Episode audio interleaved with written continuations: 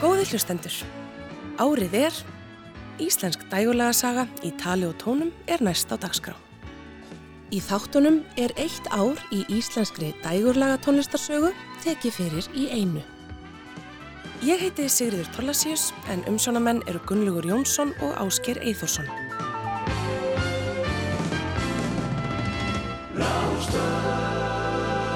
Árið er 1990.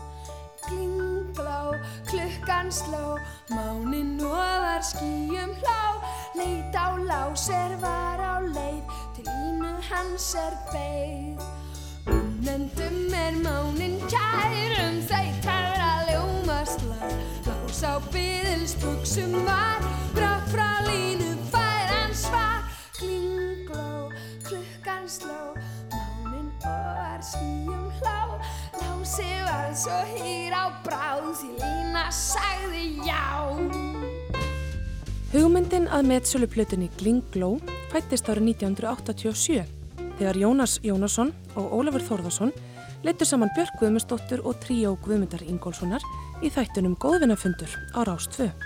Það gafst loks tími til að taka upp plötuna í september árið 1990 þegar segumúlarnir voru í fríi frá plötu upptökum og tónleikahaldi. Þá hafði Björk gramsað í plötusafni Megasar og valið 14 gömul íslensk dægulög sem tríóið jazzaði upp. Sum lagana voru al-íslensk en önnur erlend með íslenskum textum.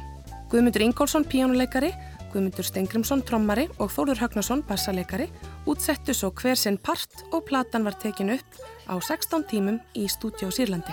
Útgáfudagur Glingló var 25 ára amalistagur Bjarkar 21. november 1990.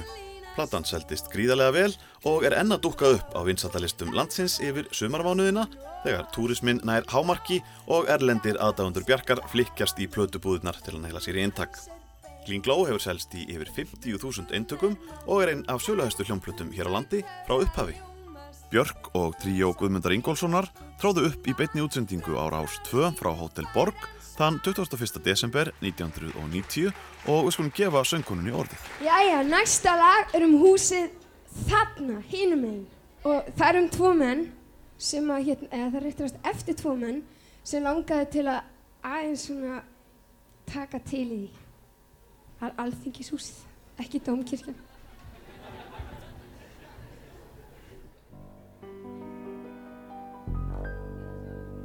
Slæmar eru nefndirnar, þútt er þeirra hlass.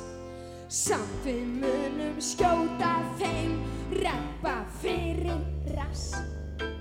Því við getum jólahaldi frestað fram í mars. Bara ef oss svo býður við að harfa.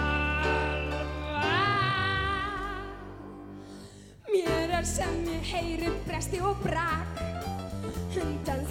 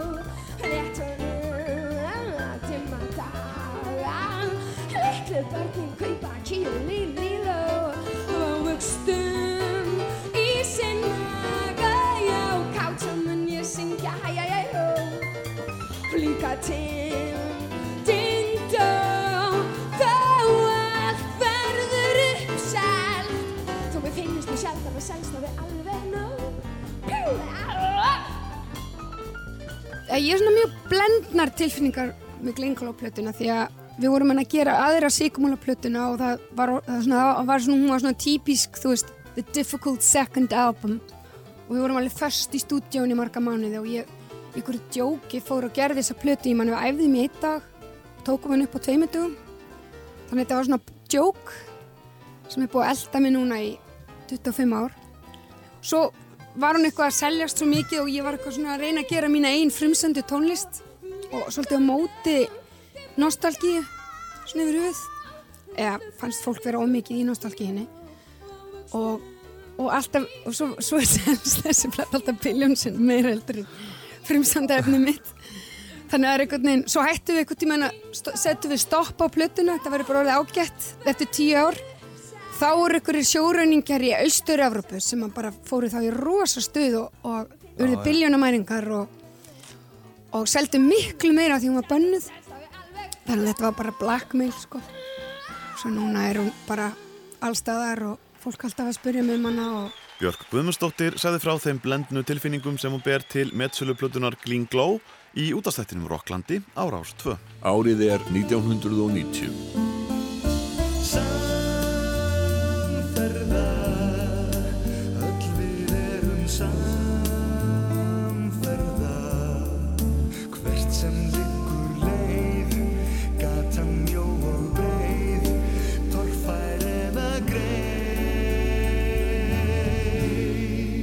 Hljómsveitin Mannakorn fagnaði 15 ára ammæli með plötunni Samferða sem Steinar HF gaf út undir lok ársins. Upptökur fóru fram í grjótnámunni og hljóðritaðum haustið og stjórnaði Óskar Páll Sveinsson upptökum. Magnús Eiríksson og Pálmi Gunnarsson stýrðu áfram Mannakorn skútunni og fengu góða gesti til að aðstofa sig á plötunni eins og gítarleikaran Tryggva Hupner sem kom sterkur inn í uppáslæginu og titillagi plötunar Samferða. Bubbi Morten syngur með mannakornum í blúslæginu Haldu mér fast. Magnús sagði að lægið hefði orðið til upp úr þurru og Bubbi hefði sungið það inn á 15 mínútum og gert það svo vel að höfundurinn hafi beininlega sprotnað niður í hljóðverinu. Haldu mér fast, sleftu mér hægt Ég gæti drefið, ég gæti vægt En ég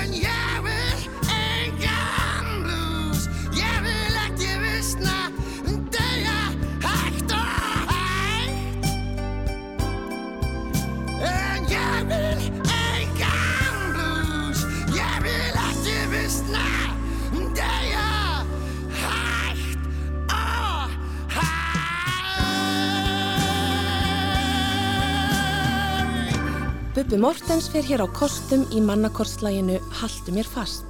En meðal annara sem kom við sögu á plötunni Samferða var Karl Jóð Sigvardsson á Hammondorgal.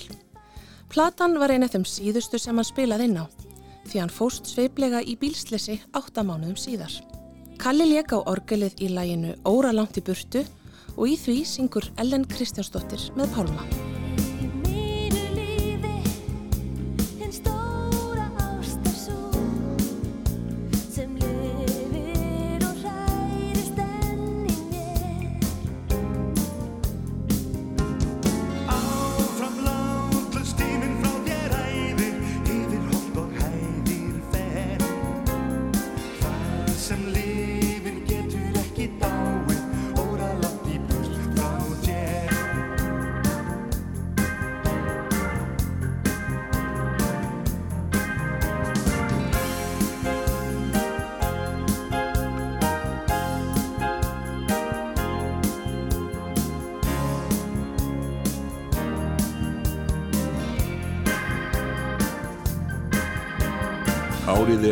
1990. Þegar borgin sefur og allt er orðið hljótt Læðist þú um huga minn eins og þjófur um nótt.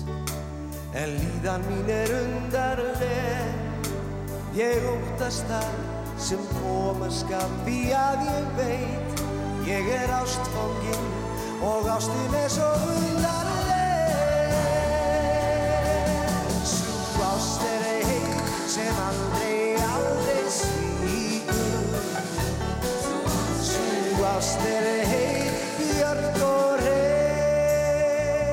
betri söngvakefni sjónvarsins var kynnt til leiks árið 1990 og að þessu sinni voru tveir undantættir sendir út og sex lög kynnt í hvorum þætti. Yfir 200 lög bárist í keppnina en 12 þeirra voru valin til að keppa til undanúslita og komust 6 áfram í úslita þátt sem fór fram í beinni útsendingu 10. februar. Edda Andreisdóttir var kynir í keppninni og sigurlagið var eitt lag enn eftir Hörð G. Ólafsson sem Sigríður Beinteinsdóttir og Gretar Örvarsson fluttu. Hörður var þá nýhættur að spila með hljómsveit Germundar Valtíssonar eftir 17 ára veru í bandinu og hafði nýverið stopnað hljómsveitina Styrmingu. Sigriður Beintensdóttir átti alls ekki vona á að sigra í keppninni og í samtali við D.V.A.F. sagðist hún hafa haft á tilfinningunni að þjóðin vildi að Björgvin Halldórsson færi út fyrir Íslands hönd. En hann söng tvö lög í úrslitaþættinu. Til þín eftir Gunnar Þórðarsson og svo Áster heit eftir Magnús Þór Sigmundsson sem heyrist hér undir. Eitt lag enn hafði þó mikla yfirburði og þjóðin var svo sannarlega spennt fyrir læginu í aðalkeppninni í Zagreb. Ákveðið var að stjórnin, hljómsveit Siggo og Gretars, yrði þeim til hals og tröst á sviðinu í tónleikahöllinni.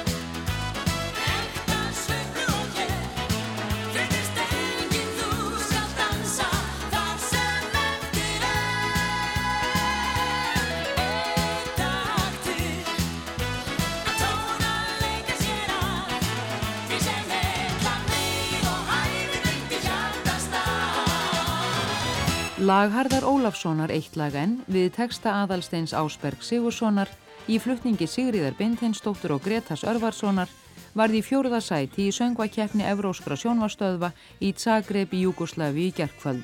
Þetta er búið að vera alveg stórkostlegt kvöld bara og spennan í kringum kostninguna alveg stórkostlega sko. Við erum alveg í skíjónum bara.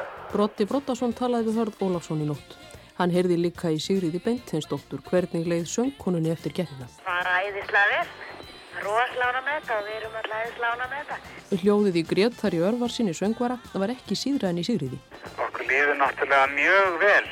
Við erum í sigur vílnu. Það er ekki að segja annað. Þetta er, þetta er mikill sigur fyrir okkur Íslandinga. Eh, Ég held við höfum sannað tilveru rétt okkar í þessari keppni núna. Við vorum stutt frá sigri.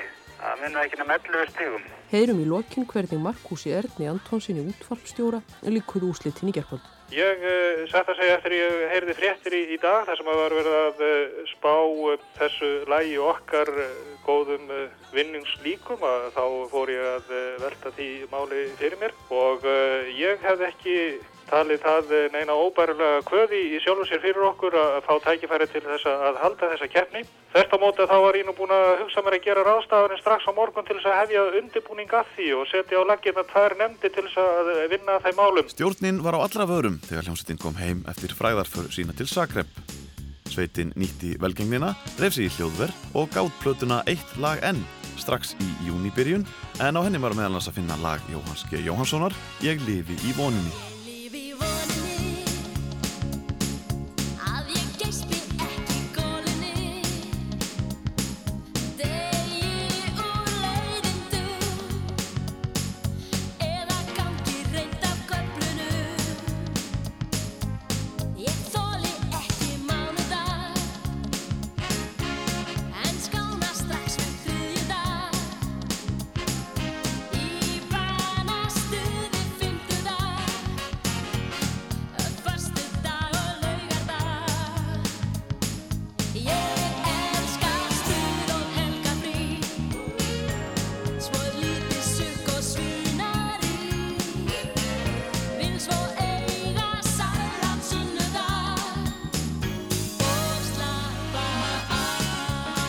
Af Já, stutt eftir að koma heim þá var ákveð að setja sér plötu. Máli að þetta er fyrsta svona eila platan, það þekktist ekki að út plötu af voriti.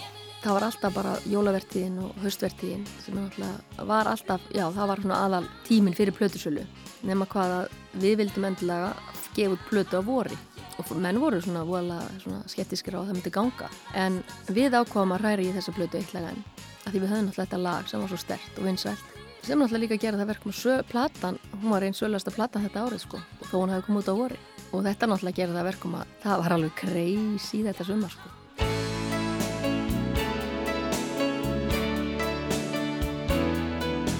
Landslagskeppnin var stopnuð árið áður til höfuð söngvakeppni sjónvarsins.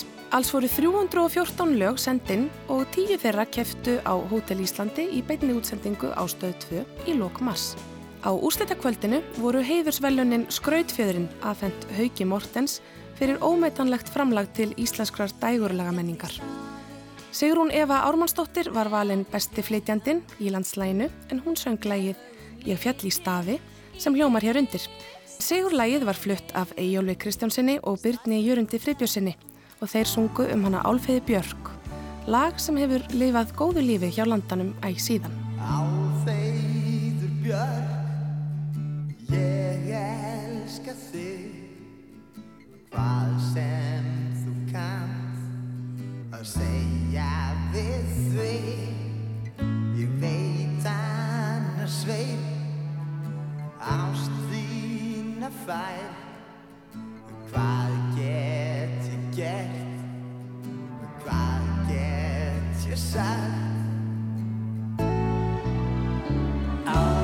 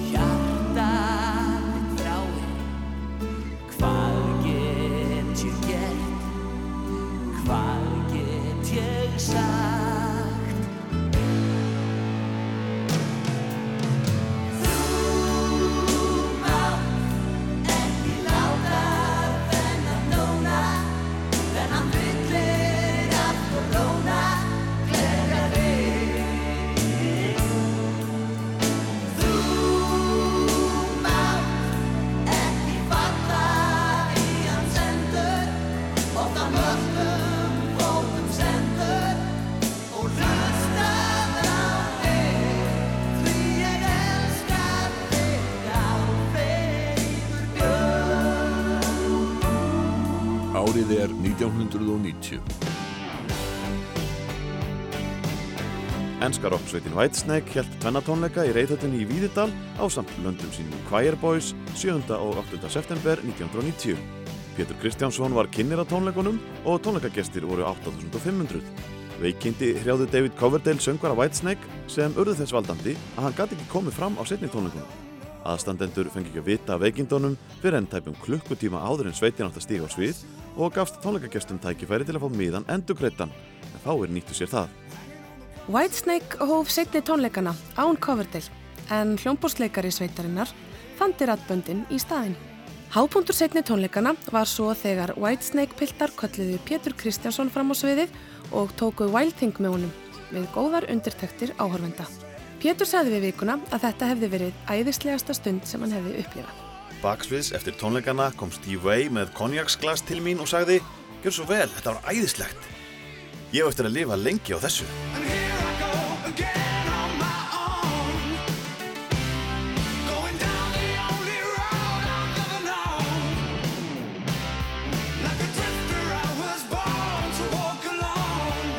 Lokatónleikar listaháttíðar 1990 voru með Bob Dylan sem kom í fyrsta sinn til Íslands og held tónleika í Laugadalshöll. Bubi Mortens hittaði upp vopnaður kassagítar, munnhörpu og söngrött. Aðeins var hægt að selja 2900 miða á tónleikana því það var krafa umbóðsmanns Dylans að allir ætti að sitja á tónleikonum og hafa gott útsýni yfir sviðið. Dylan var að fylgja eftir plötu sinni Oh Mercy sem kom út árið áður en megin hluti lagana í höllinni voru gömlu góðu Dylan-lögin og eitt þeirra var Girl from the North Country. Bandaríska sveitasöngkonan Tammy Wynette held þrennatónleika fyrir fullu húsi á Hotel Íslandi í byrjun ásins 1990. Velski sjarmurinn Tom Jones held fimm tónleika á sama stað um vorið sem voru vel sóttir. Árið er 1990. Eldlægið Ég er alveg samfærður um að þetta lag hans Eithors Arnalds sé með þeim betri rocklögum sem hafa verið samin hér á landi á, eins og sagði textanum. Ég er allavega rosalega hrifin að þessu útspili hans. Þetta var á annari plötu Tóttmóbíl.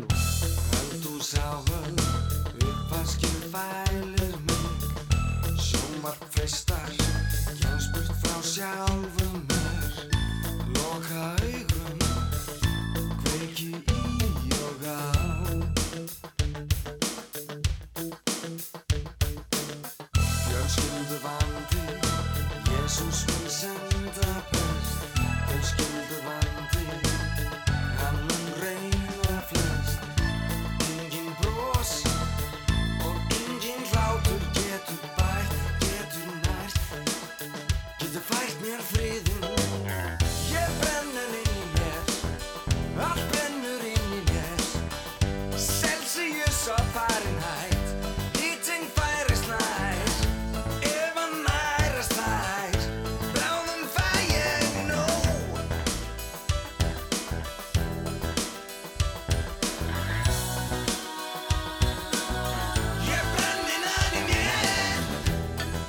Totmobil fekk sérstaka auka fjárveitingu frá útgefenda sínum þegar henni var að annari plötunni enda hugmyndin að gefa hana fyrst út á íslensku og síðan á ensku.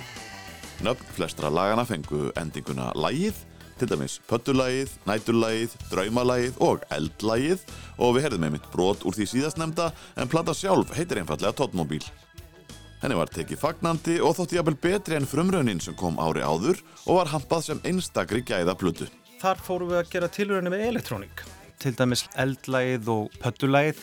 Þar erum við að nota aðalega bara synda á elektróniska trommur og prógramir allt. Það er, jú, jú, það er ekkur gítar þarna og eitthvað svoleiðis en, en við svona leiðum okkur, hei, prófum að fara út í elektrónikum og það fylgdi svolítið topmobil í dátum tíma uh, sumt að þessu þó að við, höfum alltaf verið talin svona tónleikasveit sko alvarleira nótunum þá gerðum við fullt af svona dansvænum lögum sem að hérna við náttúrulega nýtist okkur svolítið þegar við erum að spila á dansleikum og svolítið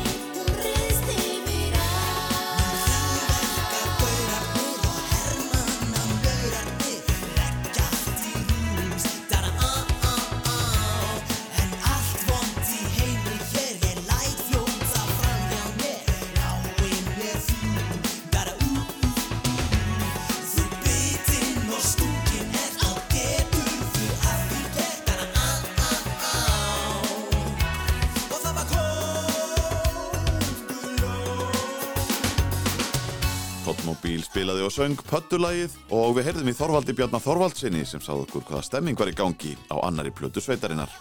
Andrés Magnússon skrifaði í morgumblaðið að platan væri öll léttari en svo fyrri en gæfinni ekkert eftir í gæðum. Öll vinnubröð væri til fyrirmyndar, útsetningarnar snildarlegar og Totmobil ætti bestu plötuna sem kæmi út fyrir jólin 1990. Í plötudómi í tímanum var tríóinu hrósað fyrir fjölbreytileika í lagasmíðum, hugmyndaauðgi og frumleika.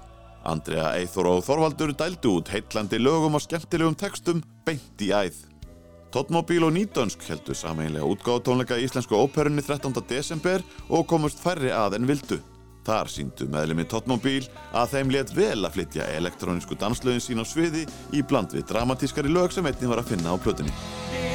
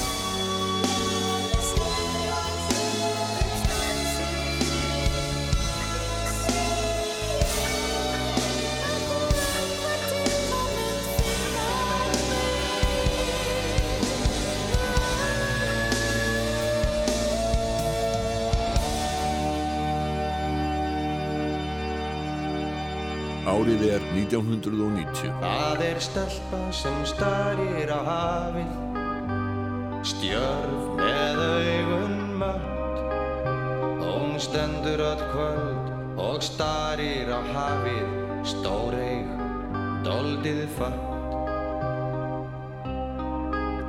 Ég sá hana dansa með döpur græn augu, dansa líkt hún væri ekki hér. Hún virtist líða um í sínum lokaða heimi, lastum fyrir þér og mér. Hver hún var viss ég ekki, en alla ég spurði sem áttu leið þar hjá. Þar til mér var sagt að eitt svartan vetur hefði sjórinn tekið mannin henni frá. Þetta er stelpan sem starir á hafið, stjörf með augum mátt. Hún stendur öll kvöld og starir á hafið, stóreig, doldið fatt. Bubbi Mortens mætti með demo af nokkrum nýjum lögum til Steinars voru 1990 og eftir nokkrar viðræður var gengið frá fimm platna samningi. Leitað var til sænska upptökustjórans Kristjáns Falk sem var stættur í Fraklandi og samið um að hann hæfist handa hér á landi um leið og hann losnaði. Kristján vildi fá Hilmar Örn Hilmarsson að verkefninu og sendi Bubbi þeim upptökur og svo hófst útsetningavinnan. Breski upptökumæðurinn Ken Thomas bættist einni í hópin og bjó hann heima hjá Bubba á meðan upptökur fóru fram í grjótnáminni í Súðavogi. Platan Sögur af landi kom út 15. oktober og fengur lögin Stúlkan sem starir á hafið og Síneta, talsverða útvarspilun. Milli jóla og nýjárs um nótt við komum í nýstingskulda, slittu og jél.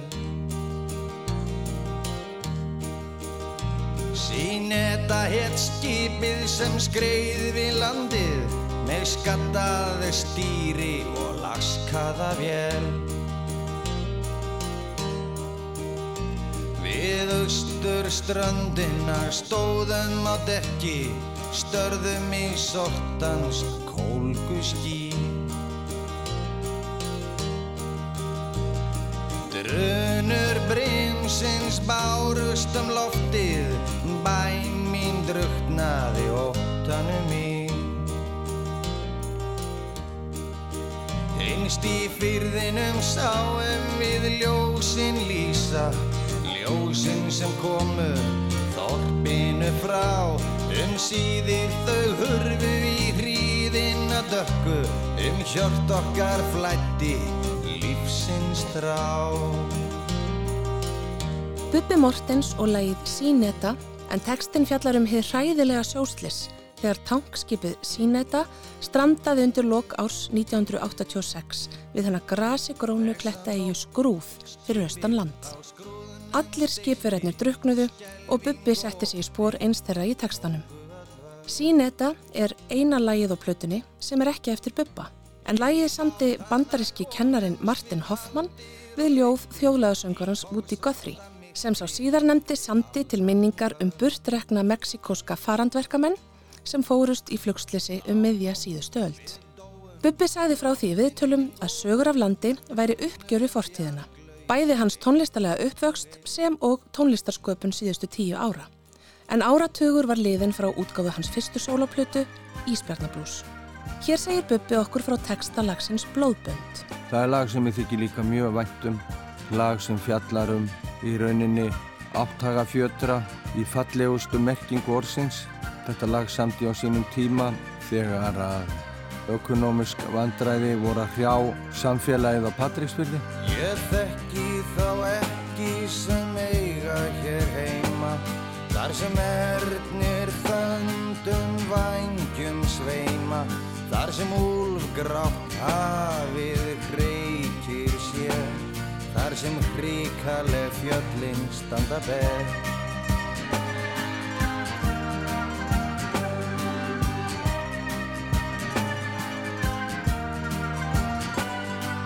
Hvíslur ég fann sem festu hér rætur Við fossinn sem vakir um dimmar nætur Á heiðinni uppblásnu öðn Þú finnur þar sem örlaga nornin vef sinn spinnur.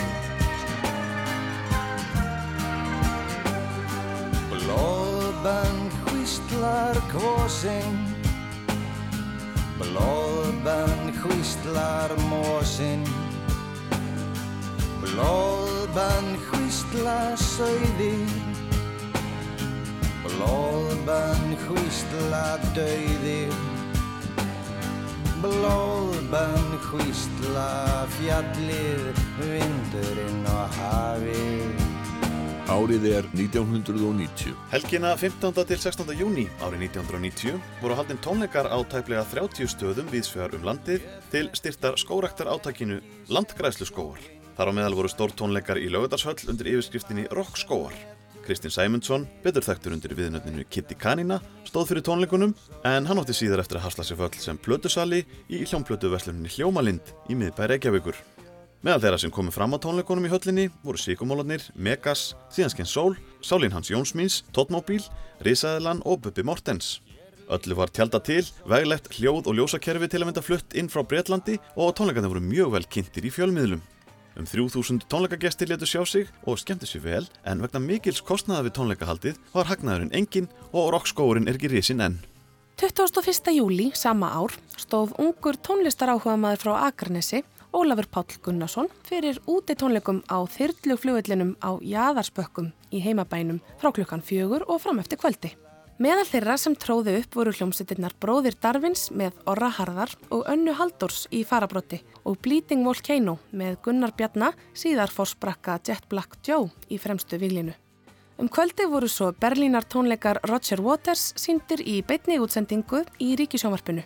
En þar voru lögin á Pink Floyd plötunni The Wall flutt með aðstóð frá fjölmörgum heimstektum tónlistarmönnum í tilefni af falli Berlínamúrsins 8 mánuðum áður. Árið er 1990. Söngkeppni framhaldsskólana var haldin í fyrsta skipti á Hótel Íslandi þann 15. mars 1990.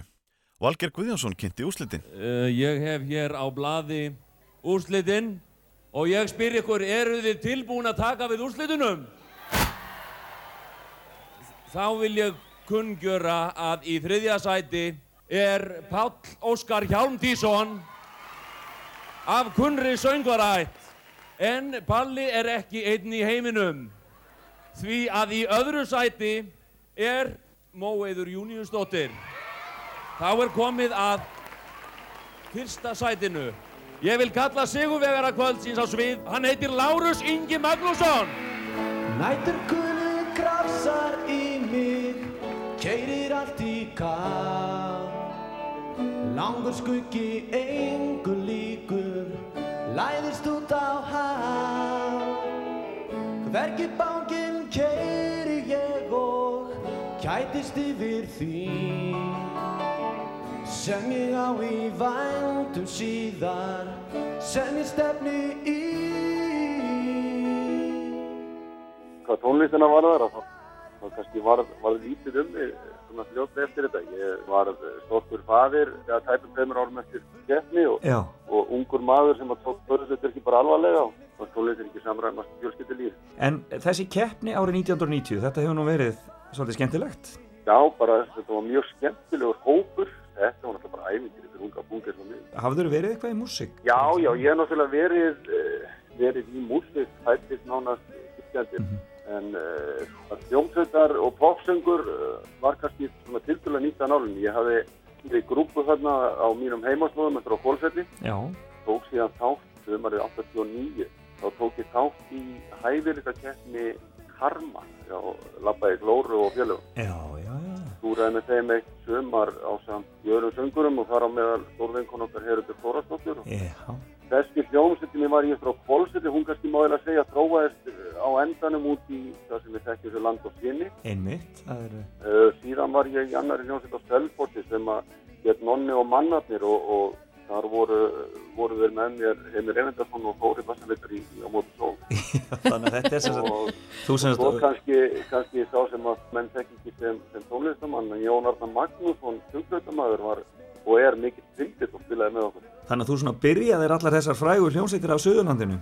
Þú svona komst inn í gang. var- Þetta varð ekki vinsast inn í hættu.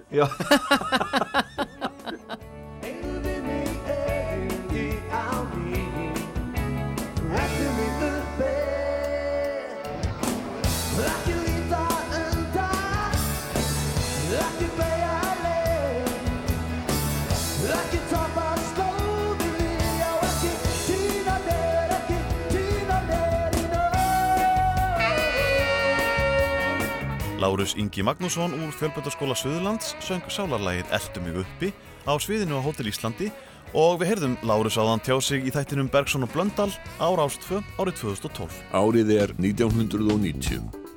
Um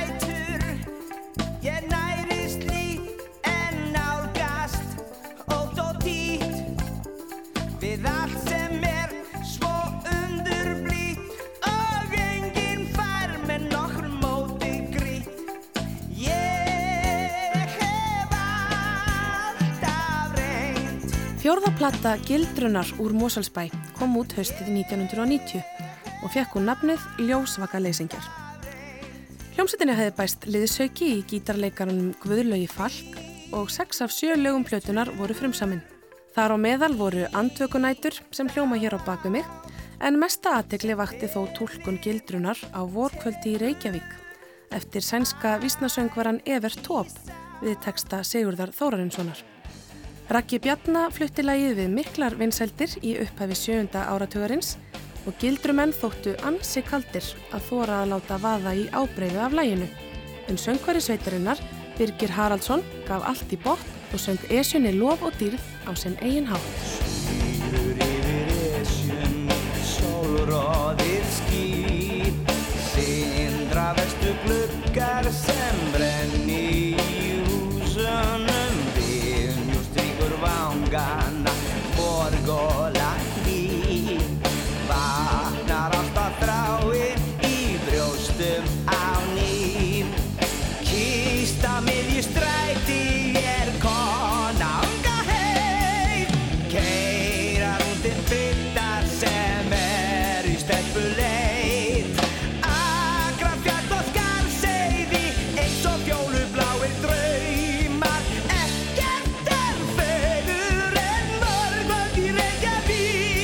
Árið er 1990. Já, þú trúir ei glatt En ég segi það satt Að ég er afi minn Latti var mjög áberandi árið 1990 og ákveði var að sapna saman helstu lögunum sem hann hefði sungið inn á plötu hjá Steinaútgáfunni og gefa út tvöföldu sapplötuna Bestu vinir aðal.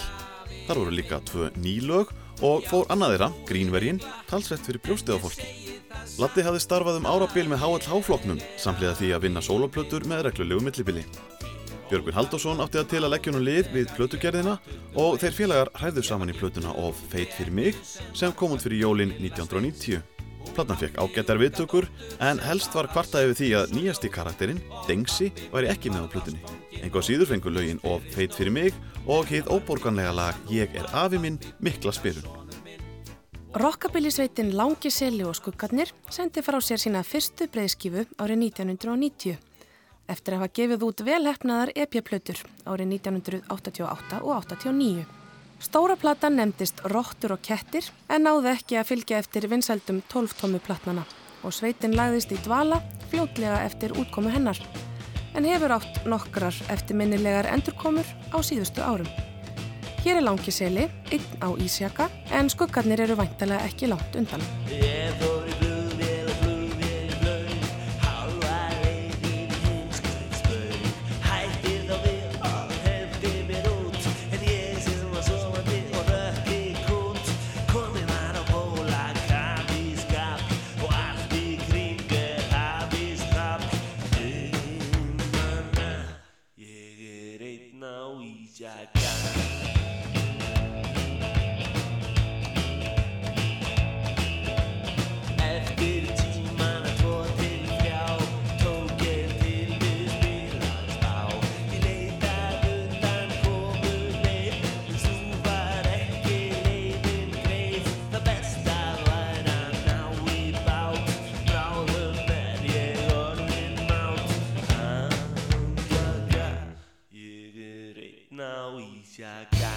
Jakob Fríman Magnússon hóaði helstu söngvara þjóðarinnar til að syngja lagið Neitum að vera með til stuðningsátaki sem Lionsreifingin stóð fyrir í baráttunum gegn vímuöfnum. Aðtegli vakti að lagið var gefið út samtímis á sumarsaplutum Erkifjendana, Steinars og Skífunar. Jakob kallaði hópin Hjálparsveitina og söngvararnir voru Stefán Hilmarsson, Bubi Mortens, Egil Ólafsson, Björn Jörundur Friðbjörnsson og Helgi Björnsson. Hraðar slær og himinin snýst. Sólinn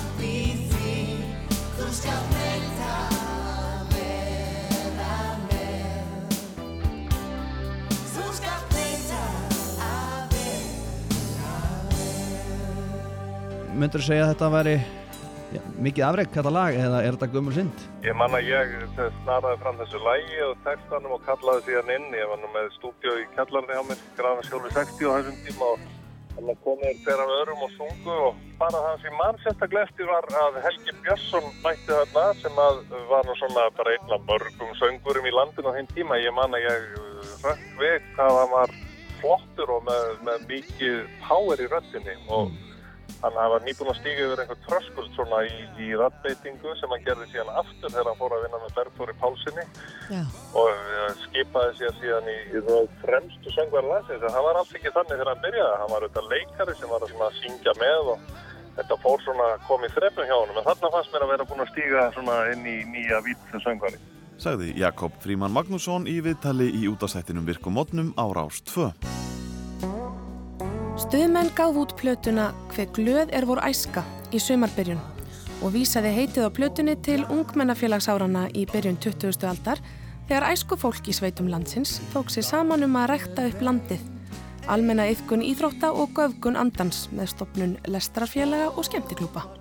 Gítarleikarin Þórður Árnason sínd á sér nýja hlið sem aðal textasmiður stuðmanna eftir að hafa komið sterkur inn árið áður á plötunni Listin að lifa. Hljómsveitin hjælt í 5 vikna hljómleikaferðalag með 26 minnættur hljómleikum viðsvegar um landið.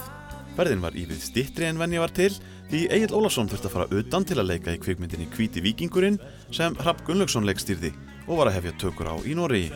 Á milli ferðalega gaf hljómsveitin sér tíma til að halda róturum landsins hóf á Hótelsögu sem þeir nefndu Rótaradaginn 1990. Tilefnið var að hinn íslenski rótari átti 30 ára afmæli og meðal viðburða var rótþrautakeppni þar sem greinar voru meðal annars botnabóðhlaup og blandað á ferð. Það var fastur liður hjá stuðmunum að finna upp á einhverju nýju á hverju ári sem tengdist oft einhvers konar keppni tengdri tónlist þar sem snúið var dálítið út úr því sem skemmti félög, templara og ungmennafélögin hefðu gert í gegnum tíðina. Hann er einn af þessum stóru sem í mestaskólan fóru og snéru þaðan valinn kunnir andans menn. Ég sá hann undur fyrir löngu í miðri Keflavíkur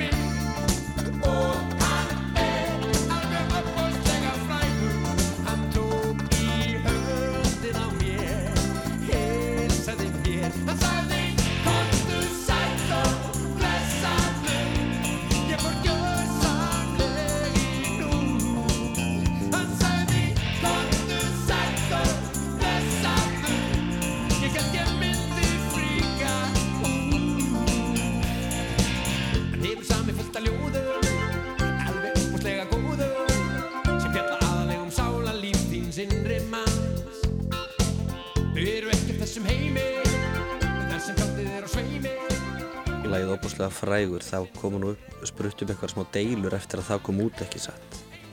Jú, það komið svona, það var svona verið að í að því að þetta væri um valgeir að ykkur leiti.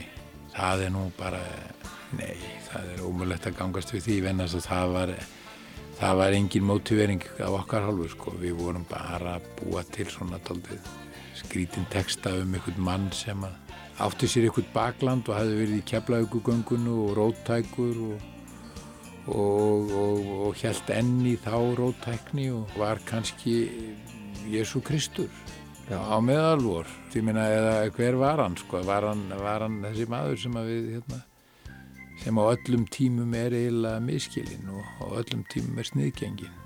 Það var eitthvað svona ábóslega frægur var hann og ég man eftir ég að við Þórður lágum yfir þessum texta og lægið er svona uppalega komið frá mér, var í allt öðrum stíl. Það var svona gospellag, hæ, hægt svona gospel og ég hef stundum tekið það svo leið, sko. En, en, en svo var því breytt hann í svona poplag og ég, og ég var svona ímyndað mér að þetta gæti verið svona einhver svona texti sem að svona kemi við í, í Guðspjörðan Stuðmenn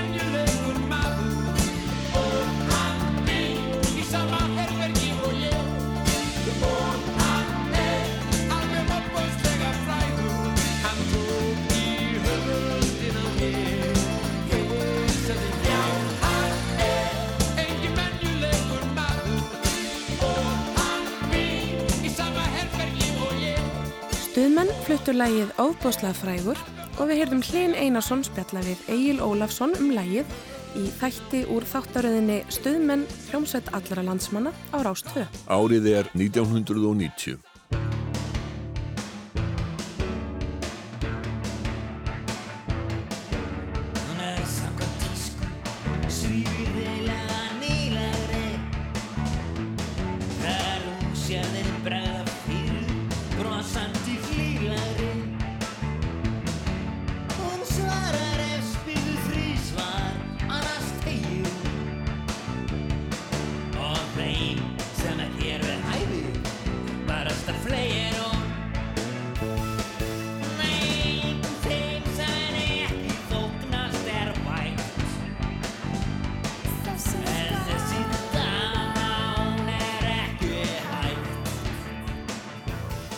Megas fjekst við þáttagerð hjá Ríkisútarpinu um líktleiti og smíði plötunar Hættuleg hljómsveit og glæpakvendi Stella stóði yfir. Nafnið á hljómsveitinni fekk hann úr fymta heftinum Basil Fursta en þar kom fyrir hljómsveit sem spilaði í kjallarahólu í Lundúnum á þriðja áratug 20. aldar. Flest lögin og textarnir voru árskömmul eða innan við það og var fjöldin slíkur að þetta var tvöföld plata. Megas gaf plötuna út sjálfur í 2999 tölusettum eintökum til að tryggja það að hún næði ekki gullsölu og gerði sér lítið fyrir og seldi hana eingöngu í áskrift. Plötinu var því ekki dreift í hljómplötuverslanir og er hún af þeim sökum oft nefnd glemta Megasarplatan. Hér syngur Megas um ungfrú Reykjavík með aðstóð Bjarkar Guðmustóttur.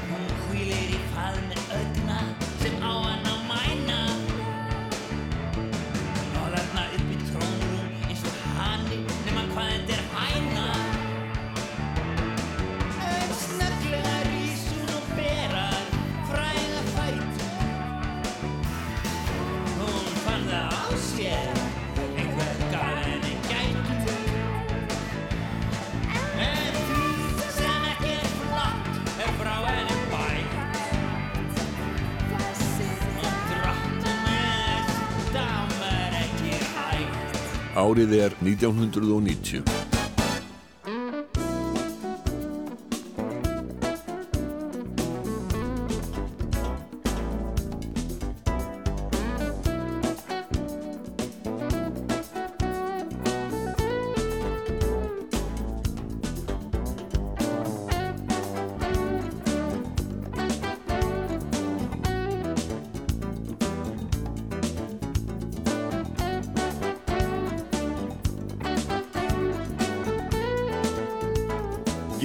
Friðrik Karlsson, einn af stopnendum og annar helsti lagahöfundur Mezzoforte, gerði plötuna Point Blank árið 1990 og var sá fyrsti úr þessum hópi til að feta solobrautina.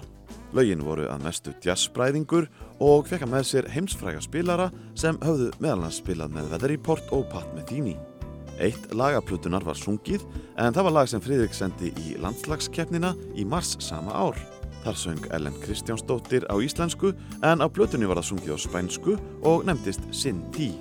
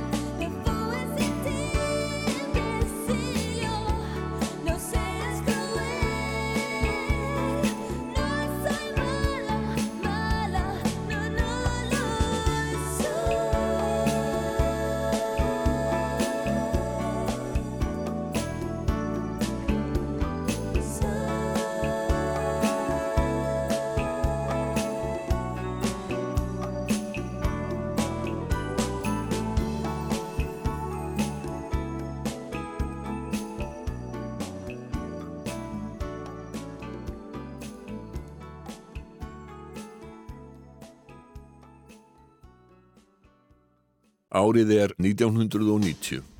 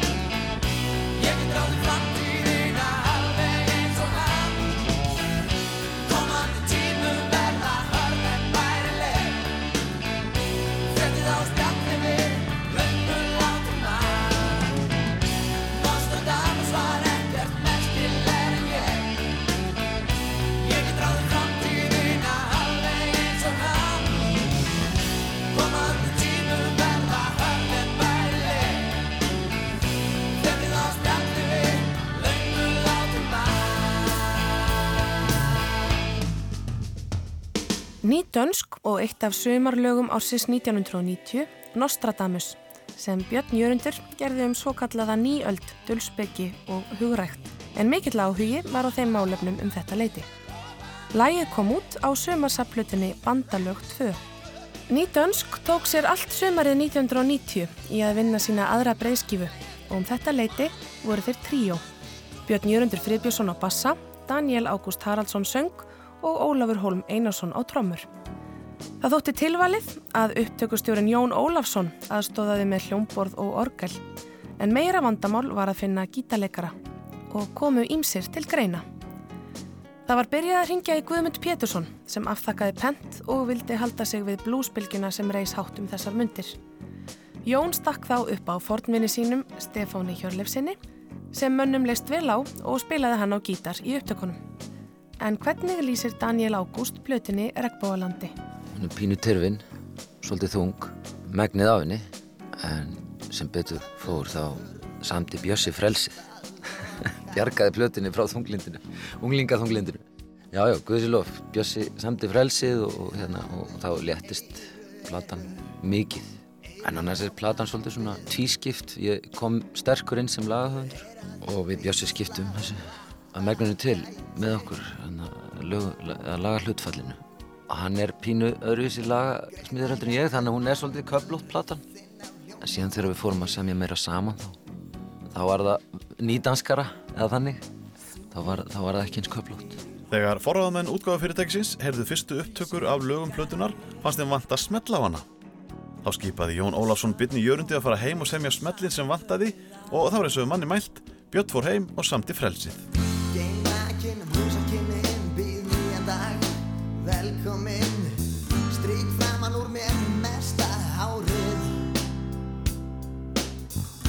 Norðangarinn feikir mér um kollin á þér sem þú liggur á grúfu.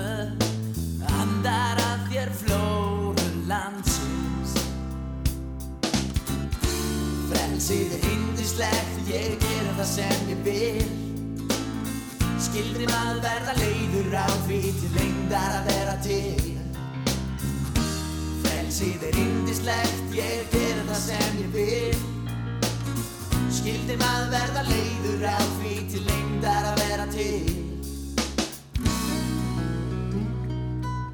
Við nefnum fullt af mold sem lyktar annars ágætlega.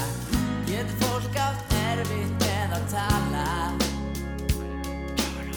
Samt segir þú mig sannlega frá öllu sem þér í brjósti.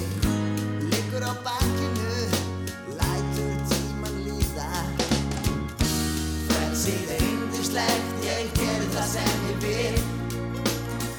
Skildi maður verða leiður á því til lengdar að vera til. Frelsið er yndislegt, ég gerir það sem ég vil. Skildi maður verða leiður á því til lengdar að vera til. Árið er 1990.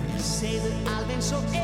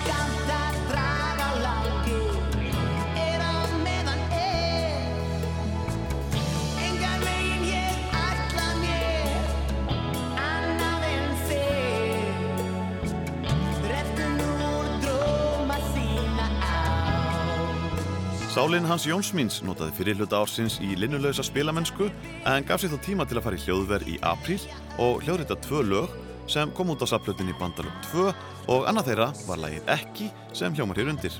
Eftir mikla törn um sumarið ákvað bandið að taka sér nokkura mánuða frí og þá að fara að geta áhuga leysis hjá trimplinum Magnúsi Stefánsinni sem ákvað að hætta í bandinu.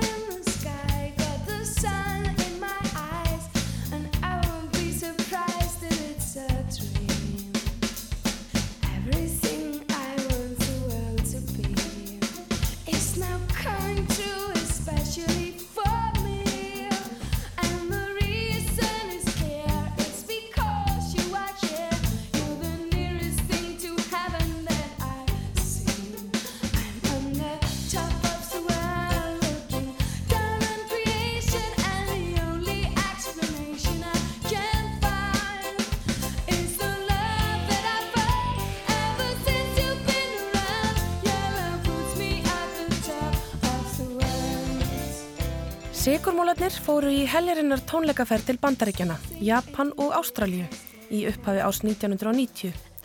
En eftir það ákvað sveitin að taka sér frí frá störfum til að hlaða batteríin. Í millitíðinni tók sveitin upp sína útgáfu af Carpenters-læginu Top of the World sem kom reyndar ekki út fyrir en tveimur árum síðar sem bjellið á smáskifu sveitarinnar með aðalæginu Walkabout. Útgáfa Sigurmóluna fór hins vegar eitthvað fyrir brjóstið á Richard Carpenter sem hótaði mólunum lögsókn. Við ætlum að flytja hérna varnaðar orð til þjóðarinnar fyrir kvöldi í kvöld. Þessi varnaðar orð eru ættuð frá Guðföður hljónstærinnar Hauki Mortens. 1, 2, 3, 1, 2, 3 Mann ég það löngum er lítill ég var Til líkams og sálar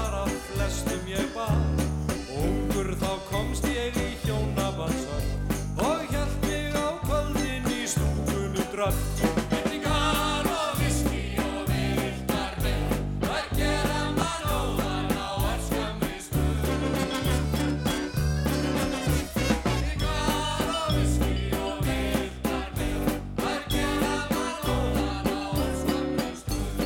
Við heyrum hér jazzhljómsveit Konrads B.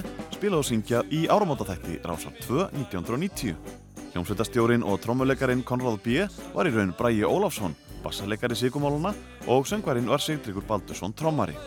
Sveitin var sannkvölduð supergrúpa og í henni voru meðal hans félagar úr Sigurmálunum, Risaðilunni, Kamarorkestum og Langasila og Skuggunum. Skilirði fyrir þáttöku í bandinu var að enginn mátti leika á sitt aðal hljóðfæri. En hvar kviknaði hugmyndin? Sigtryggur Baldursson segir frá. Ég fann þetta í Júgoslavi, við vorum á túr í Júgoslavi og, og ég hérna, fórum út að borða, við vorum að einmitt að ræða þessu hugmyndi ég og Brei, stopna nú jazzljónsveit á Íslandi með fullt af punkurum, þá að spila jazzmusik og klæða þessu upp. Þetta fannst okkur óskaplega fyndið og, og hérna, það var svona halgerður art-terrorismi sko, í rauninni. Söngvarinn Sigtryggur kallaði sig Bókamil Font og nafnið fann hann líka í gömlu Júgoslavíu. Þá förum við út að borða manni í Ljubljana og förum á gammalt veitingahús þar sem var með svona, með, dagatal, þar voru dýlningar fyrir hvern dag og dýlningur ammaliðsdags minns sem var annar oktober var einmitt bókomil þannig að þarna var til nafnið á karakterin sko. þetta er einhver söfnuður sem voru kallaði bókomílar sem voru á Balkanskaga. Einhver kristin söfnuður sem var drepinn í einhverju ægilegum hreinsunum á múslimum eða eitthvað slíkt. Eitthvað skelvilegt, öruglega Sagði Sigtryggur Baldursson. Og hérundir hljómar upptaka úr læginu Vindlingar og Viski úr áramótaþætti Rásar 2. Söngvari sveitarinnar Sigtryggur Baldursson í gerfi Bókomil Font átti síðar eftir að hefja sólóferil en hvernig kom það til að Sigtryggur fór að syngja? Bræði fór að pína mig til að hlusta á Haug Mortens og, og Frank Sinatra Bræði náttúrulega var alltaf með jazzdellu sko. með við vorum í mólanum þá var hann alltaf hlustandi á monk og einhverja flotta músík sko. ég fór nú ekki að pæla mikið í þessu fyrir ég húkaði svolítið á hennum vocal jazz sko. það var staðfærlega flott og þá svona klikkaði eitthvað í kollinum á manni að þetta var nú eitthvað sem að maður gæti sko, búið til karakter til að gera sko. tók þannig á því sko.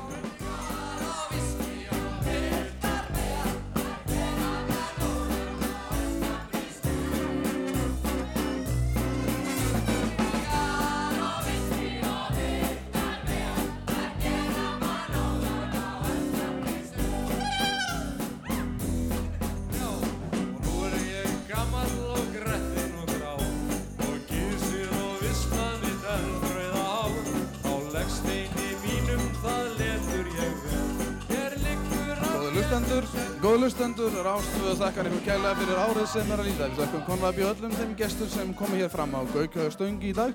Og já, við sem erum hérna inni, viljið gjöra svolítið saminast með mér í einni stuttri kveðju til hlustendar Rásar 2. 1, 2 og...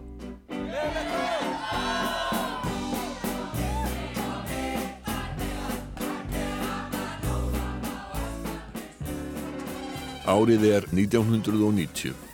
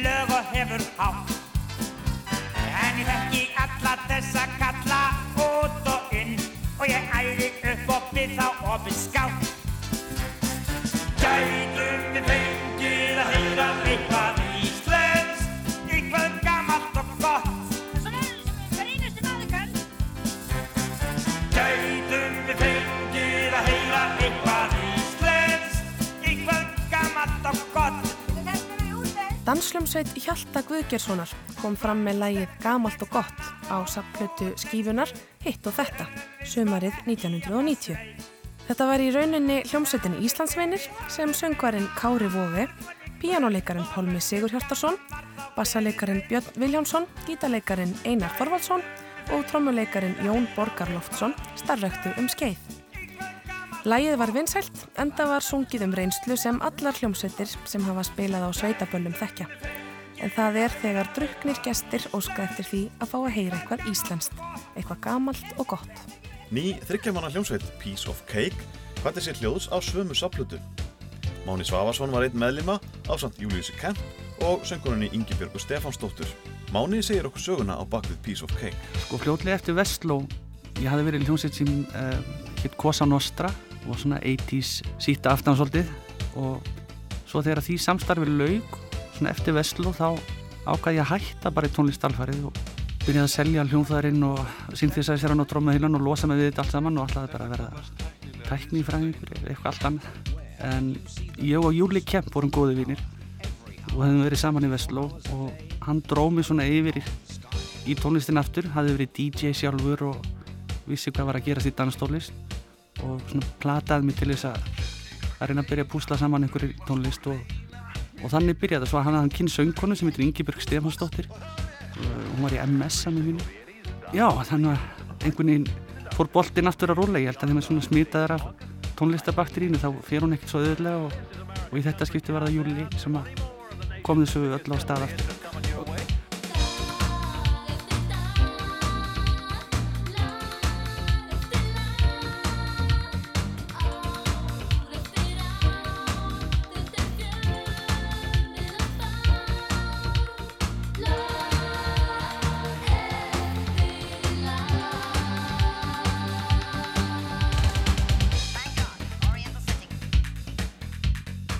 þetta var eitthvað sem ég byrjaði að púsla saman og Júli var með hugmyndur um að taka búta úr öðrum lögum og sitja inn í það var svona það að byrja svolítið að sampla og sitja inn í. Og við tókum þarna úr, úr læginu Bangkok One Night in Bangkok settum það þess inn í og byrjaðum að fyrta saman með þetta. Og fljótlega fórum við síðan í stúdíu hjá Jakobi Fríman í Vesturbænum, hann var með stúdíu þar í kallarinu minni með það sem að bjó. Og leiði okkur að komast þar að við höfum engan pening eða til þess að dvelja neitt í stúdíói. En um, þar var lægið svona endalega til. Við kláruðum það í stúdíónu og Ingibjörg kom svo og söng. Og þetta lukkaðist ræl vel. Það voru ekki margar hljómsveitir á þessum tíma að búa til danstóli svona íslenskar hljómsveitir. Og hvað þá með íslenskun texta þannig að þetta hitt í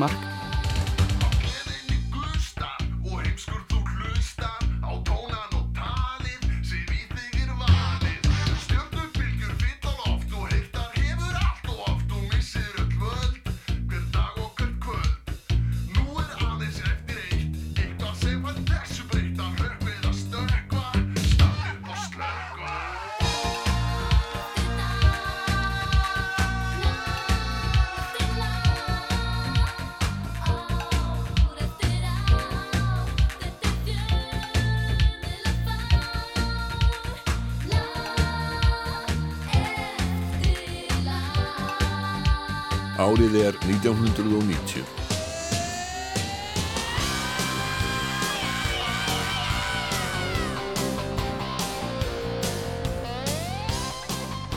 Það má segja að draumur Riksjópilta um heimsfræð hafi breyst í martruð með þriðju plötu sveitarinnar sem kom út fimm árum eftir að frumburðurinn kom á markað. Þeir sögðu morgunblæðinu að þeir horfðu til bandaríkjana með plötuna. Þar hefðu þeir sambönd sem þeir vonuðust til að vinna farsalega úr og fengu þeir upptökumannin Erik Sobler til að vinna plötuna með sér. Richard Scobie, söngværi Riksjó, samti flest lögin og voru miklar vonir bundnar við lægið Promises Promises sem hér er farið af stað. Platan fekk góða dóma en salan var langt undir væntingum.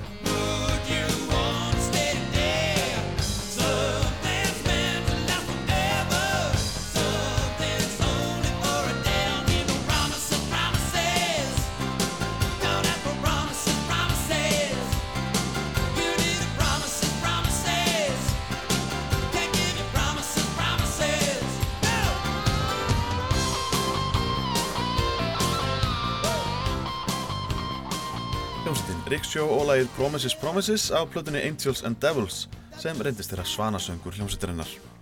Þrýr meðlima Riksjó höfðu stopnað nýja hljómsveit árið áður sem fekk nafnið Loðin Rotta. Þetta voru Richard Scobie, Ingólf Guðjónsson og Sigurður Gröndal og með þeim voru Jóhann Ásmundsson, bassaleikari Mezzoforte og Halldór Gunnlaugur Haugsson, slagversleikari í Sinfoníu hljómsveit Íslands. Markmiði var að halda uppi stuði á böllum og spila erlend og íslensk vinseldarlög. Lóðin Rotta gerði út á sveitaböllin og skemmtistæðina í borginni, svo sem Gauk á Stöng, Bíókjallaran, Hotel Borg, Tvo Vini og Efrihæðina í Hollywood sem gekk þá undir nafninu Rottuloftið. Vorið 1990 tók sveitin upp lagið Blekkingin sem kom út á saflutinu Bandalu 2 í sumarbyrjun og gerði það gott. Einnar öll í myrkrinu leitar hann að þér Nakki sál í kjólfötum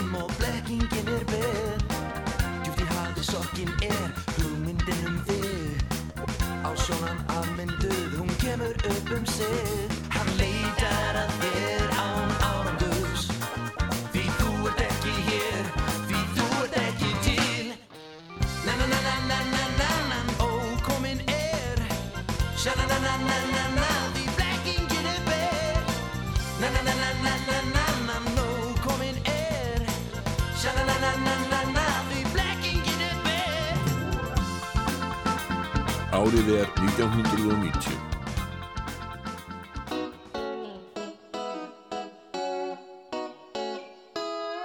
Árið 1985 gáfu Possibilis-piltarnir Jón Ólafsson og Stefán Hjörlefsson út sína fyrstu plötu sem þeir nefndu Máð.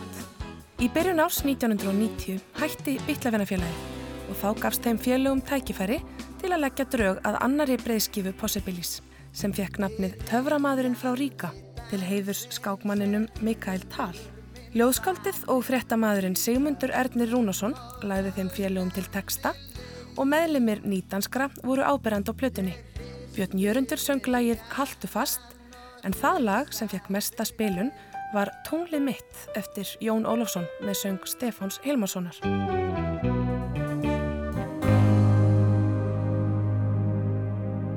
Tunglið er gullt og tunglið er fullt Tómlega starir það á Sólín er sokkin og sést ekki meir. Dagurinn, dagurinn deyr. Fólkið er líkt og fjallæði nýtt. Forviti starir það á. Einmana andlit sem allt vilja sjá. Mennirnir, mennirnir, þeir spá.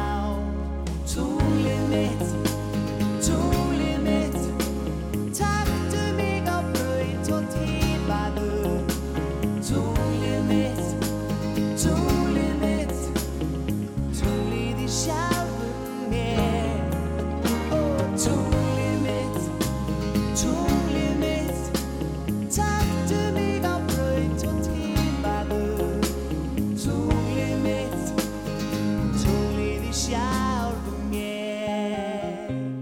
Við höfðum hérna, kynst Sigmund Erni Rúnarsinni sem var þá mikill ljóðamaður og er það ljóðskáld og náttúrulega alls ekki orðið þingmaður kannski farin að lesa fréttir.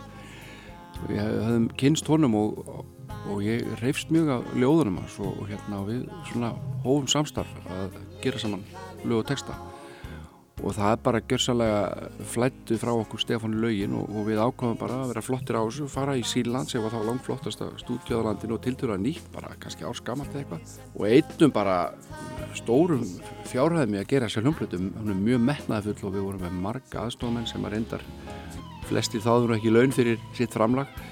En, en allavega við gerðum þetta metnaðfulla plötu ég, ég hlustaði mikið á Prífáls Brát á þessum tíma og, og kannski má heyra það eitthvað hérna og uh, þegar að sko, við vorum byrjaðar á þeirri plötu þá voru svona farna þreyfingar í gang með það sko hvort ég var til að fara yfir nýtörsk og, og, og mönnum fannst svona kannski passlegt bara við Stefán getum klára þennan possibilis pakka áður við síðan þá kannski tækjum næsta skref sem var að fara í nýtörsk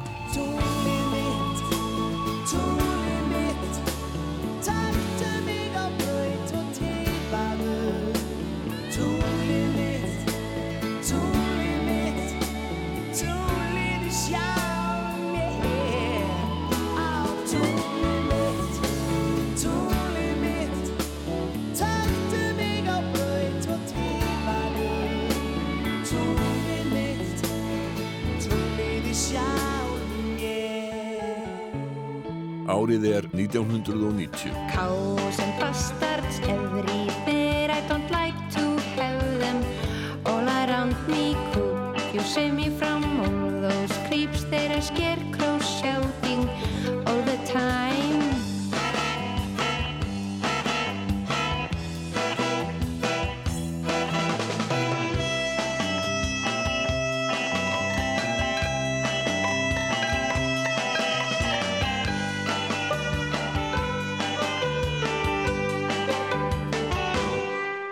Við höfum fyrst gefið út plötu sem að heit bara Rísaðilan og svo erum við þarna að gefa út stóra LP sem að heit Fame and Fossils. Og við breytum nafnin í Reptile þegar við lögum áslá að búa til erlend nafn á hljómsveitina.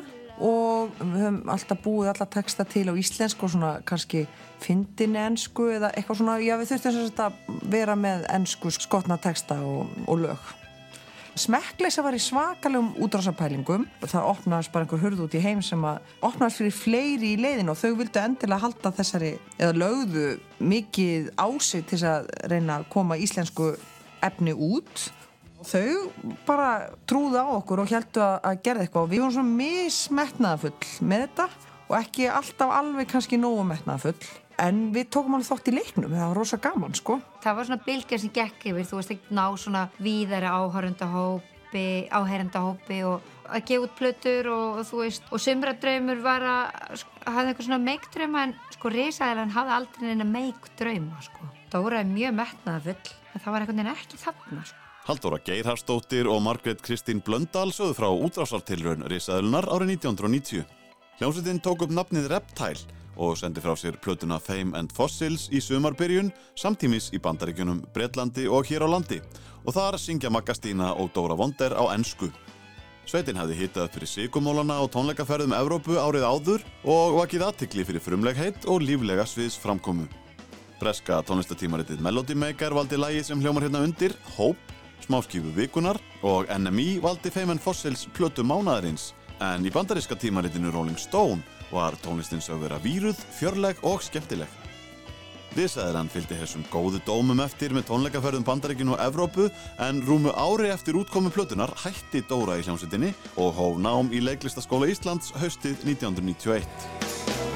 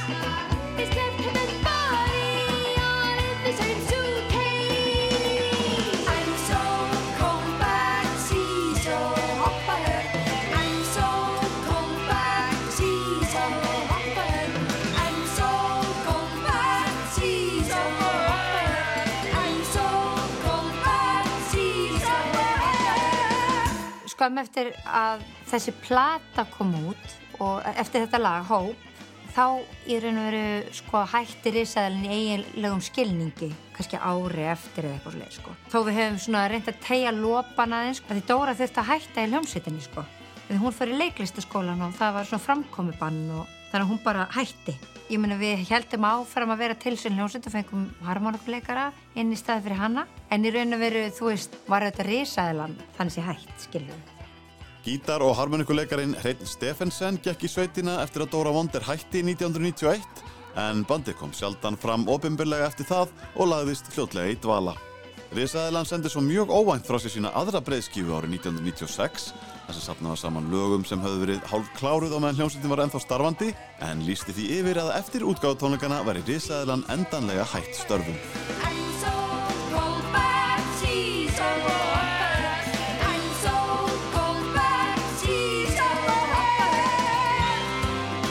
Árið er 1990. Vertu þú sjálfur Gerðu það sem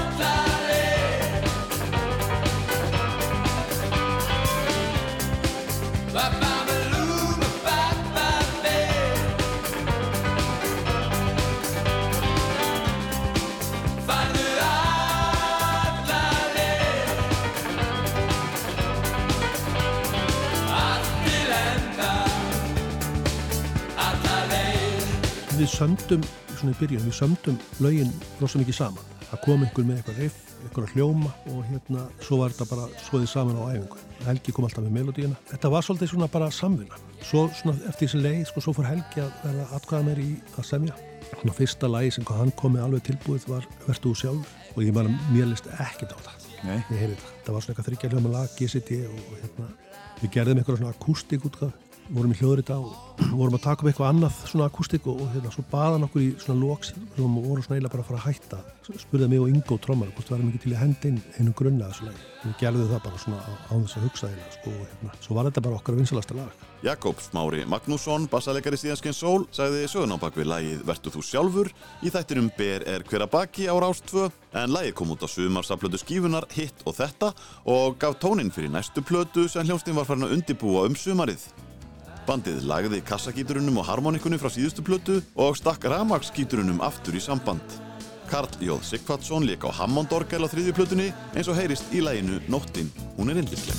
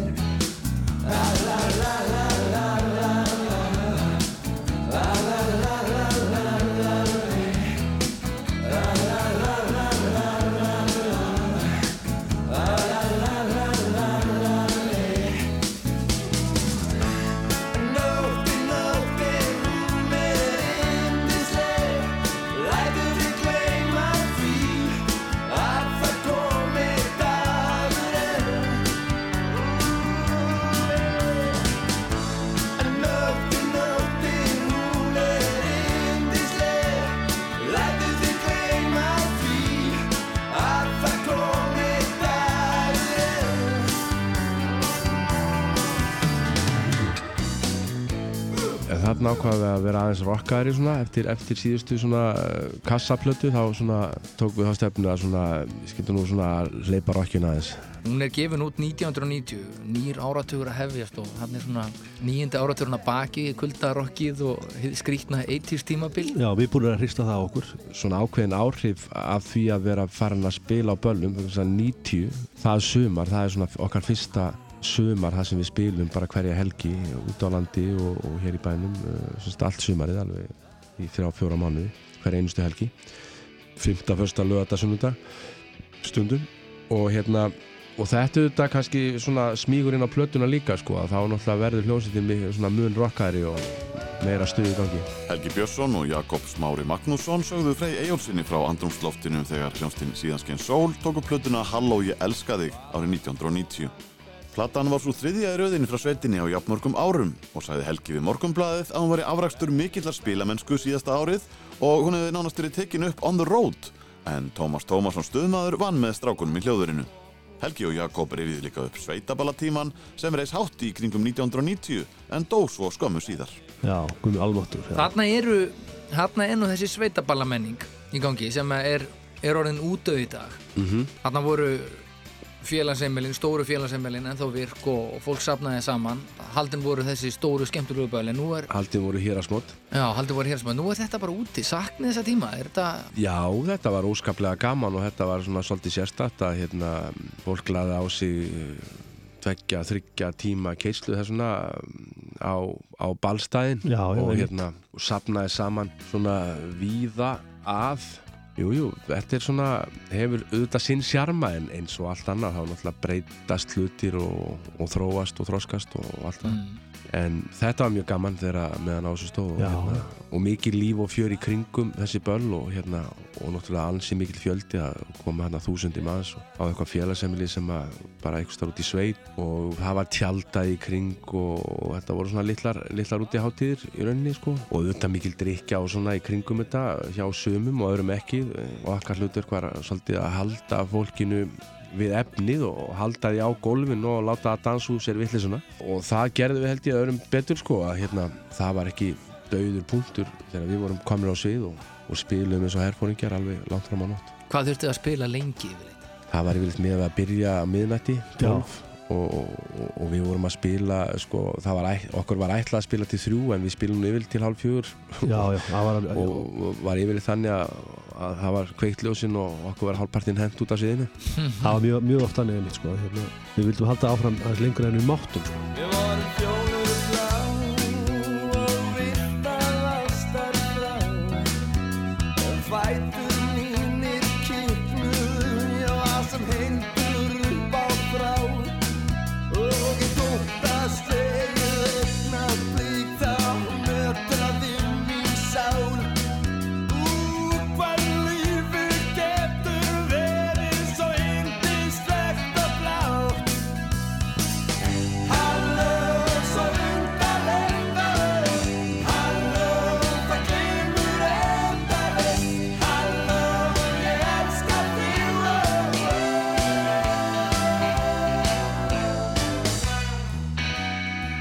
Árið er 1990. Þegar sala á áfengum bjór var leifið á nýjan leik 1. mars 1989 eftir margra áratuga bann spruttu upp krár þar sem ölið var drukkið undir tilherandi hljófæraslætti og söng. Fjöldi kráarsveita spratt upp og meðal þeirra sem mest letuð þessir kveða var hljómsettin Papar frá Vestmannegjum sem lagði áherslu á írsk þjóðlög í bland við frumsamin lög. Papar störfuðu sem húsljómsveit á Rauða ljóninu á Eðistorki á Seltjarnanesi og var fyrsta reynræktaða íslenska kráarsveitin sem gaf út hljómplötu. Hún fekk nafnið Tröll aukinn tákn og hér heyrum við brot úr læginu Rekkjalómabrægur. Nú óma látum óðalag Því enn er nótt og langt í dag Og syngjum háðum rekkjusvín Og hendum að þeim grín Eitt feitur loðinn kjammil ég Lord og rakjör diskótek. Og öll við þekkjum sögu þá Því má einn segja frá. Nú óma látum óðalag Því enn er nótt og langt í dag. Og syngjum háðum rekkjusvín Og hendum að þeim grín Við allir þekkjum verkin þín Þúsund mynda rekkjusvín Sem gegnum linsu leikur við Ljúfa hvem fólkið Árið er 1990. Kristján Kristjánsson flutti til landsins eftir áralanga dvöl Erlendis, úti kallaði hann sig K.K.sson, en eftir heimkomuna tók hann upp listamannanafnið K.K. og stopnaði K.K. Band, sem var duglegt að tróða upp á tónleikastöðum höfuborgarinnar. Í desembermánuði hjælt bandið tónleika á Búlsinum, sem Rás 2 hljóðritaði. Með K.K. þetta kvöld voru Þorleifur Guðjónsson á bassa, Áskir Óskarsson á trommur og Björgvin Gíslason á gítar. Eitt af lögunum sem þau fluttu var I Got a Woman eftir Ray Charles sem kom út á plötunni Lucky One árið eftir.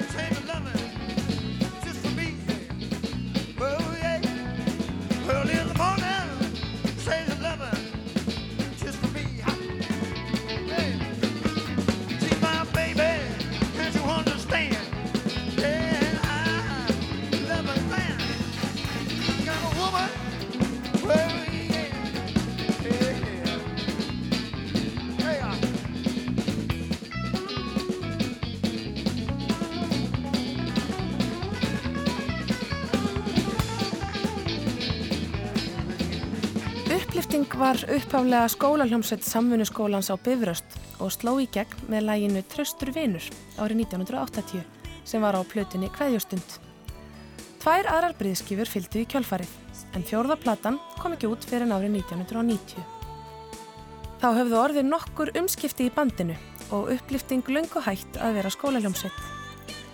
Sigurður Dagbjartsson og Sigrún Eva Ármannsdóttir skiptu með sér söngnum og það var Sigrún sem söng Einmanna, titillag plötunar eftir hljómbórsleikaran Birgi Jóhann Birgisson.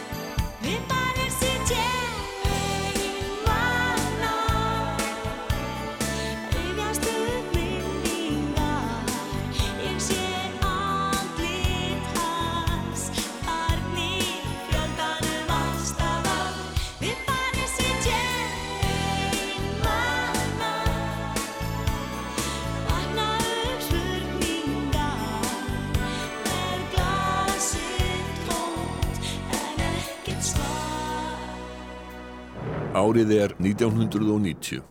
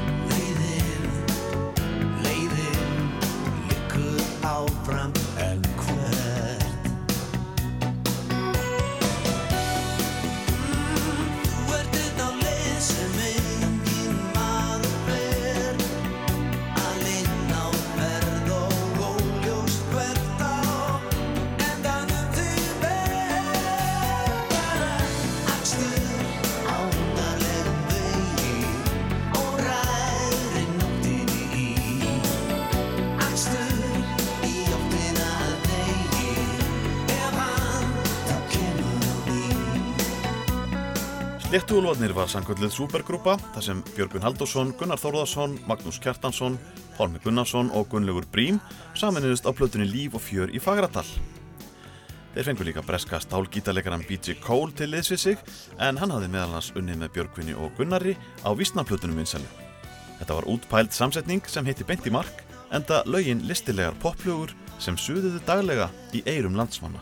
Ég er á þessum tíma að reka stúdíu Sýrland og eh, teka það móti fullt af fólki að taka upp plötur og sléttúlunir var svona hugmynd hjá mér að búa til svona traveling Wilburys svona með þekktum nöfnum innaborðs og, og svona áframhald af brimkló. Við vorum ekkert að gera neina plötu á þessum tíma svo þetta var svona næsta verkefni. Við gerðum tvær plötur. Mikið af góðum lögum eftir Gunnar Þórðar en okkur eftir mig og Magga Kjartans. Í vöku og draumi Þú verður mér. Sú ein sem af öllum ber Og enginn skildi keppa við. Í blíðu og stríðu Er baráttan helgu þér. Og gatan svo grauðfærir Ef gengur þú með mína hlið Á ferð gegnum lífið. Svo fjölmart að höndum ber. En eitt þó við eigum hér Sem ekki virðist hakast neitt. Þetta er svona lítill sveitasöngur og uh, þetta var bara eitt af lögum sem ég var að búa til og, og hérna Jónas Fyrir gerði þennan snildar texta og þetta lag hefur hérna, fyllt mér alveg síðan og ég er alltaf með þetta prógraminu þar sem ég kem fram á tónleikum og, og böllum. Hún er enn sem fyrr Ekkert getur hakkað því Þessi gamla ást sem alltaf verður fersk og mín er stelpan sem eitt indælt kvöld Kistir unglingsræfin sem var alveg frá. Ég er ennþá þessi asni sem þú kistir þá. Haffiska roksveitin Naflastrengir kom sá og sigraði á músiktilrunum en í öðru sæti var Fríman frá Akranesi og söngkona Frímans, Valgerður Jónsdóttir, var kosin efnilegasti söngvari músiktilruna. Meðal meðlima Naflastrengja var söngvarin Jón Símonasson sem átti síðar eftir að leiða Dos Pílas og Starri Sigursson sem leik á bassan í Jet Black Joe. Naflastrengir fengu í velun 40 tíma í hljóðverinu Stemmu og útgáfusamning á einu lægi sem kom út á saplutunni Húsið sem stöðin og Krísuvíkur samtökin gafu út árið eftir. Lægið heitir Engin miskun. Hér eru naflastrengir frá Hafnafyrði.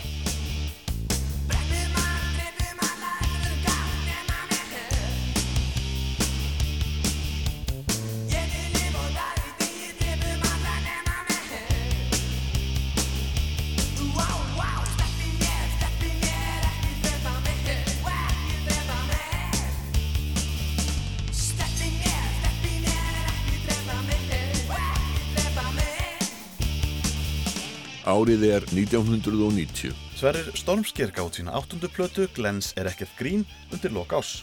Öll lögin á plötunni voru samin á unglingsárum Sverris en voru nú komin með nýja texta. Plötuna tilengaði Sverrir eins ás gamalli dóttur sinni Hildi og hann samtir líka lag til hennar sem heitir einfallega Hildur og þar syngur Eyjálf Kristjánsson með hann.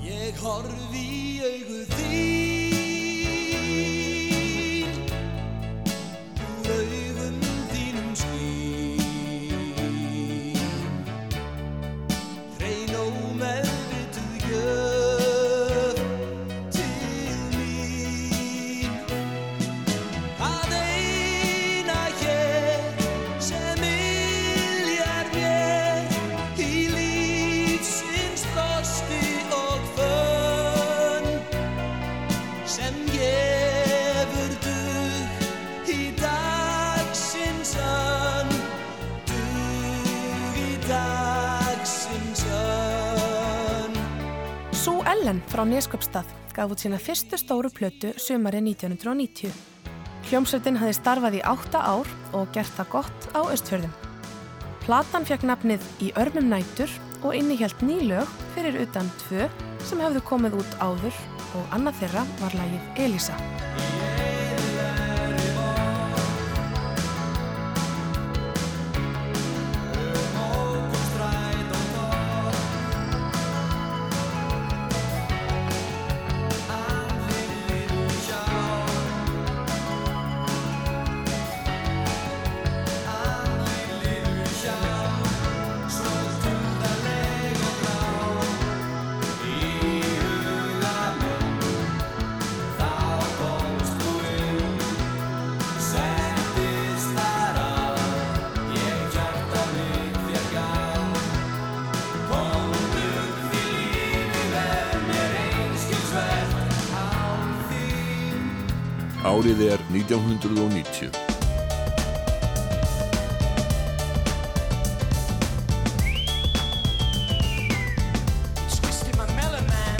Smekkleisa, Pakkhús Postulana og listafélag MH stóðu að þryggjadaga tóngjörningum sem hófust með kynningu á sapplötu frá útgáðufyrirtækinu Smekkleisu á tveimur stöðum, í tunglinu og í bíókjallaranum á 5. kvöldinu 15. mars.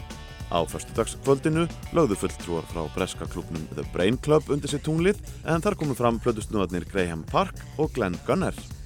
Hábúndur þessarar þryggjadaga hátíðar var tónleikar með ennsku hljómsveitinni Happy Mondays í MH þar sem risaðilan sáum uppbytun. Slagorði smekkleysu, heimsiveráð eða dauði var haldið á lofti með útgáfu á sapplötunni World Domination or Death sem kom út árið 1990 í Bandaríkjónum og Breitlandi og innihjalt enskar útgáfur af lögum hljómsveita sem voru á mála hjá útgáfunni. Meðal þeirra sem áttu lög á plötunni voru Ham, Bless, Bootlegs, Risaðilan, Langiselóskuggarnir, Daisy Hill Puppy Farm og fleiri. Og þar var einnig að finna áður óutgefið lag með sigurmólunum. Hér heyrum við enska útgáfu af læginu Al 1 í bíó með hljómsveitinni Bless, Alone at the Movies. Gunnar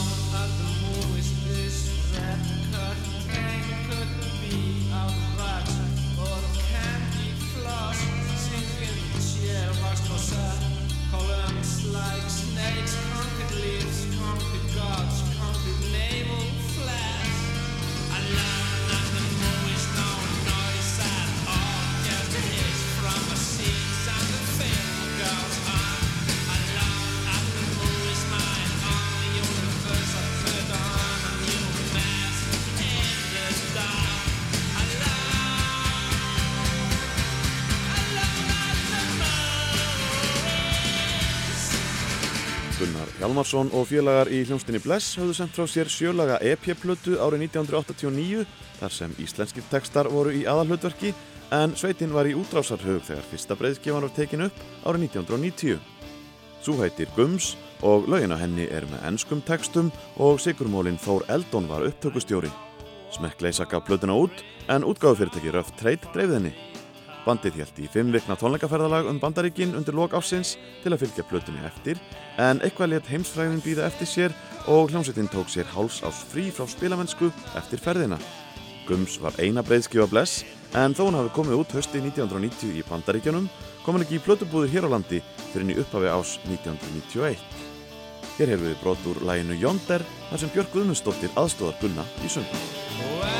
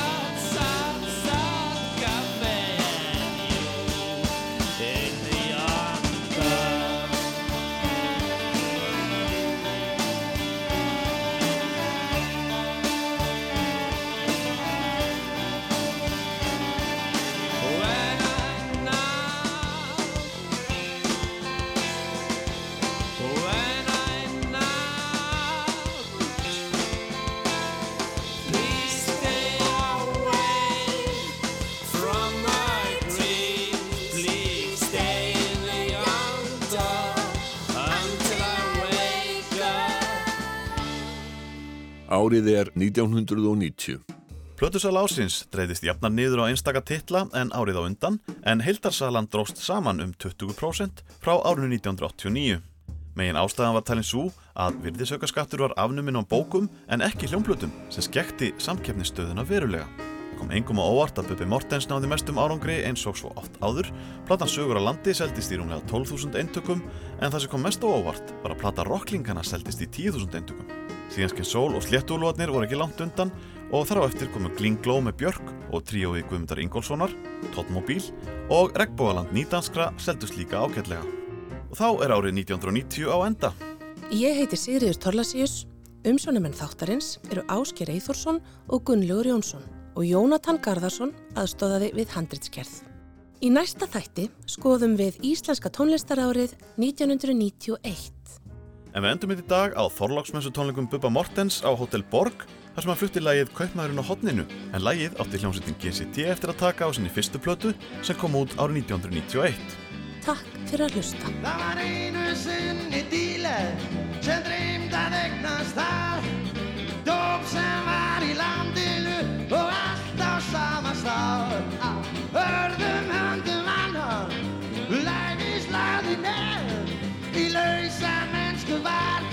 Byggt og allt í Íslands með Hann hafði aldrei setið inni, nei ekki einu sinni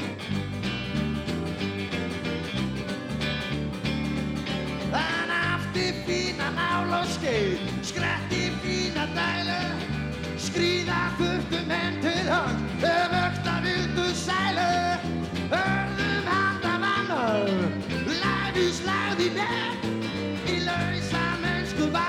fín og allt í Íslands með, hann hafði aldrei setið inni, nei ekki einu sinni, á!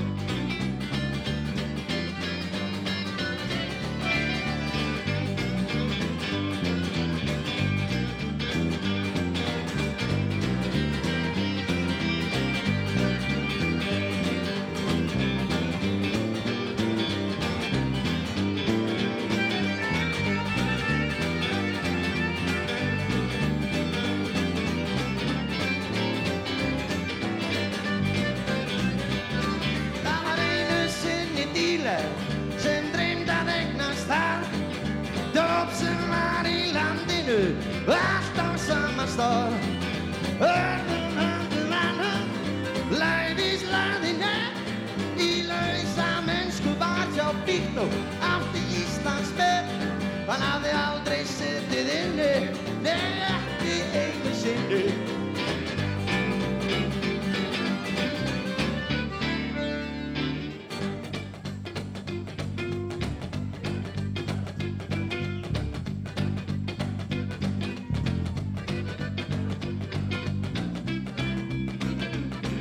Má ég byrja hvern fólki í salnum að standa á fætur?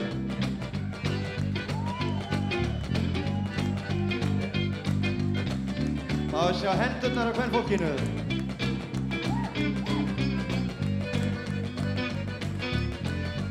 Já, stúlkur.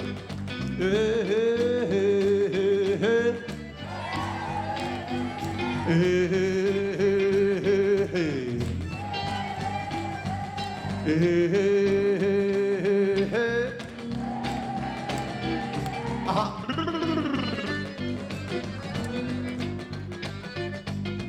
Uh-huh. Uh-huh. Uh-huh. uh-huh.